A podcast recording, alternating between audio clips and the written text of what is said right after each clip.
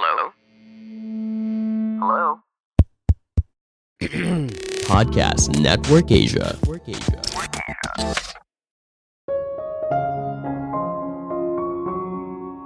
Menjadi dirimu sendiri di tempat kerja dimulai dari jujur pada dirimu sendiri tentang siapa dirimu. Halo semuanya, nama saya Michael. Selamat datang di podcast saya, Sikutu Buku. Kali ini saya akan bahas apakah kita bisa menjadi diri kita sendiri di dunia kerja. Tentunya kita sadar banyak manfaat dari menjadi diri sendiri. Misalnya kepuasan hidup yang lebih baik, peningkatan kesehatan pribadi, dan motivasi yang lebih tinggi. Pada akhirnya mempengaruhi kinerja dan produktivitasmu di tempat kerja. Namun, ketika kamu masih jadi karyawan baru, tentunya kamu harus lebih hati-hati. Di satu sisi, kamu ingin mengekspresikan siapa dirimu, tapi di sisi lain, kamu belum memahami bagaimana budaya kerja di perusahaan tersebut. Jangan sampai satu langkah yang salah malah berdampak buruk pada karirmu di sana. Kadang seorang yang tidak bisa menyesuaikan diri justru karirnya bisa terhambat, kehilangan kesempatan untuk promosi atau naik gaji yang lebih tinggi. Sebelum kita mulai, buat kalian yang mau support podcast ini agar terus berkarya, caranya gampang banget. Kalian cukup klik follow. Dukungan kalian membantu banget supaya kita bisa rutin posting dan bersama-sama belajar di podcast ini. Apakah saya bisa menjadi diri sendiri di tempat kerja? Kadangkala ini merupakan dilema di tempat kerja. Kita sering kali menjadi orang yang berbeda agar berharap bisa diterima di tempat kerja, khususnya ketika kamu baru masuk ke tempat kerja yang baru.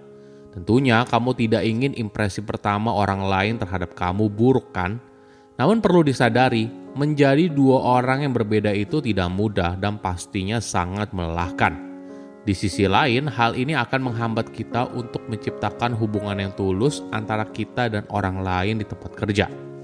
Topeng itu secara alamiah menjadi pembatas untuk mempercayai satu sama lain. Oke, jadi menjadi diri sendiri itu apa sih? Menjadi diri sendiri artinya kamu harus menjadi original. Kamu membawa segala hal tentang dirimu, baik dan buruk. Karena tentunya tidak ada orang yang sempurna. Hal ini artinya mengakui keahlianmu, kegagalanmu, dan juga keberhasilanmu. Namun perlu dipahami, menjadi diri sendiri bukan artinya atasan dan rekan kerja mengetahui segalanya tentang kamu. Tidak, bukan begitu. Kamu berhak untuk menyimpan bagian dari dirimu untuk dirimu sendiri. Pekerjaan adalah bagian dari dirimu, dan hal ini akan sedikit banyak membentuk siapa diri kamu saat ini dan di masa depan. Kegagalan tidak perlu ditutupi, dan keberhasilan tidak perlu terlalu dibanggakan. Kedua hal ini penting sebagai pembelajaran dan berkembang sebagai pribadi dan juga profesional. Kenapa menjadi diri sendiri terlihat sulit di dunia kerja? Mungkin karena ada anggapan soal karyawan yang sempurna. Padahal, jika karyawan tidak diperbolehkan untuk melakukan kesalahan, bagaimana kita bisa bergerak maju? Di dunia kerja, kita juga tidak mudah untuk bilang tidak setuju. Dalam budaya perusahaan tertentu, ada resiko nyata atas tindakan tersebut, misalnya dipermalukan, ditolak, atau bahkan dihukum. Resiko ini semakin nyata apabila kamu adalah karyawan baru. Kamu perlu belajar untuk berbicara tanpa menghakimi. Tentu saja tidak ada yang senang apabila diberitahu kalau selama ini cara mereka bekerja itu salah. Daripada fokus pada hal yang negatif, lebih baik fokus pada alternatif solusi. Kamu perlu dilihat sebagai si pemberi solusi, bukan hanya bisa menunjukkan masalahnya saja. Ingat, solusi yang kamu sampaikan bukanlah solusi terbaik, tapi merupakan alternatif solusi dan cara pandang yang lain. Dengan kerendahan diri inilah, masukanmu akan lebih mudah diterima. Apakah kita tidak boleh menjadi diri sendiri? Ya tentu saja boleh, tapi jangan 100%. Contohnya gini, bayangkan seorang karyawan yang sering kali memaki anak buahnya di depan umum. Tentunya hal ini tidak baik kan? Karyawan didorong untuk menyampaikan apa yang dirasakan, tapi kalau caranya seperti ini, tentu saja hal ini juga tidak baik. Sebagai karyawan, kamu diharapkan untuk mengikuti aturan dan budaya kerja perusahaan. Kamu tidak bisa semaunya. Ada perilaku tertentu yang diharapkan. Mungkin saja hal itu artinya kamu harus mengurangi bagian dirimu. Misalnya di pekerjaan sekarang, rambut kamu tidak boleh dicat, tidak boleh bertato, atau memakai piercing berlebih. Menjadi diri sendiri bukan berarti kita bebas melakukan apa saja. Penting untuk tetap menjaga profesionalitas dan sopan santun di dunia kerja. Tapi ketika kamu bertanya-tanya bagaimana kamu bisa menyesuaikan diri agar tidak dikucilkan, mungkin ada masalah di sana. Cobalah cari keseimbangan antara menjadi diri sendiri dan menjawab kebutuhan karir untuk menciptakan situasi yang win-win bagi setiap orang. Bagaimana caranya agar kamu bisa lebih nyaman menjadi dirimu sendiri ketika di tempat kerja? Pertama, yakinkan dirimu kalau kamu layak untuk berada di sana. Tidak peduli apakah kamu baru memulai karir atau pindah ke tempat kerja yang baru, kamu akan memulai dari nol setiap kali bertemu dengan orang yang baru. Bahkan apabila kamu adalah karyawan lama tapi atasan kamu baru, maka sama saja kamu juga memulainya dari nol. Jangan khawatir ketika kamu percaya kalau kamu punya sesuatu yang berharga untuk dikontribusikan, maka kamu akan semakin percaya diri dalam berbicara dan menunjukkan siapa dirimu. Di sisi lain, ketakutanmu atas penilaian orang lain akan menurun.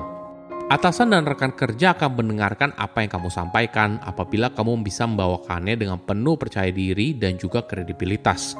Sebagai contoh, ketika berada di sebuah meeting, perjelas dari mana ide kamu berasal, kenapa hal ini penting, dan apa dampaknya bagi bisnis. Kedua, membuka dirimu dengan orang lain. Saat kamu jadi karyawan baru atau menyesuaikan dengan orang baru, tentunya kamu ingin tampil sempurna karena kita belajar kalau impresi awal adalah segalanya. Memang betul, tapi jika kamu ingin menjalin hubungan yang berharga di tempat kerja, kamu harus bersedia untuk membuka diri, dan hal ini butuh trial and error. Cobalah dari hal yang sederhana, misalnya ceritakan bagaimana akhir pekanmu kepada rekan kerja atau tentang hobi barumu Perhatikan bagaimana responnya. Apakah positif? Apakah mereka juga ikutan cerita? Apakah percakapan ini membuatmu merasa positif? Jika iya, maka hubungan ini punya potensi. Namun perlu diingat, tujuan utama di sini adalah kamu harus belajar membaca situasi dan juga dirimu sendiri. Dari percakapan santai, kamu bisa belajar banyak hal, mulai dari siapa lawan bicaramu, tingkat kenyamananmu, hingga bagaimana kalian berinteraksi dalam situasi tertentu. Ketiga, buat batasan agar jangan oversharing. Mungkin kita sering dengar ungkapan, kalau rekan kerja itu bukan teman kamu. Ya ada benarnya juga, kita harus belajar untuk memilah-milih informasi apa yang ingin kamu bagikan. Tentu saja kamu bisa menjadi dirimu sendiri tanpa harus mengungkapkan semua yang kamu rasakan kepada rekan kerja. Ini merupakan hal yang sehat apabila kamu punya batasan dan wajar kalau ada hal tertentu yang ingin kamu simpan. Intinya, jangan menyamakan membuka diri dengan oversharing. Keempat, belajar mendengarkan secara mendalam. Seberapa sering kamu terlihat setuju padahal tidak saat atasanmu ingin mengatakan sesuatu? Di momen itu, sebaiknya kamu berhenti sejenak dan belajar untuk mendengarkan daripada buru-buru memberikan respon. Berhenti sejenak akan memberikan kamu waktu dan ruang untuk memproses informasi melakukan refleksi diri, dan memberikan jawaban yang tepat. Tidak peduli apakah kamu setuju atau tidak atas apa yang dikatakan, kamu memberikan gestur kalau apa yang mereka sampaikan itu penting dan kamu memberikan perhatianmu seutuhnya. Saya undur diri, jangan lupa follow podcast Sikutu Buku. Bye-bye. Pandangan dan opini yang disampaikan oleh kreator podcast, host, dan tamu tidak mencerminkan kebijakan resmi dan bagian dari podcast Network Asia. Setiap konten yang disampaikan mereka di dalam podcast adalah opini mereka sendiri dan tidak bermaksud untuk merugikan agama, grup etnik, perkumpulan, organisasi, perusahaan, perorangan, atau siapa pun dan apa pun.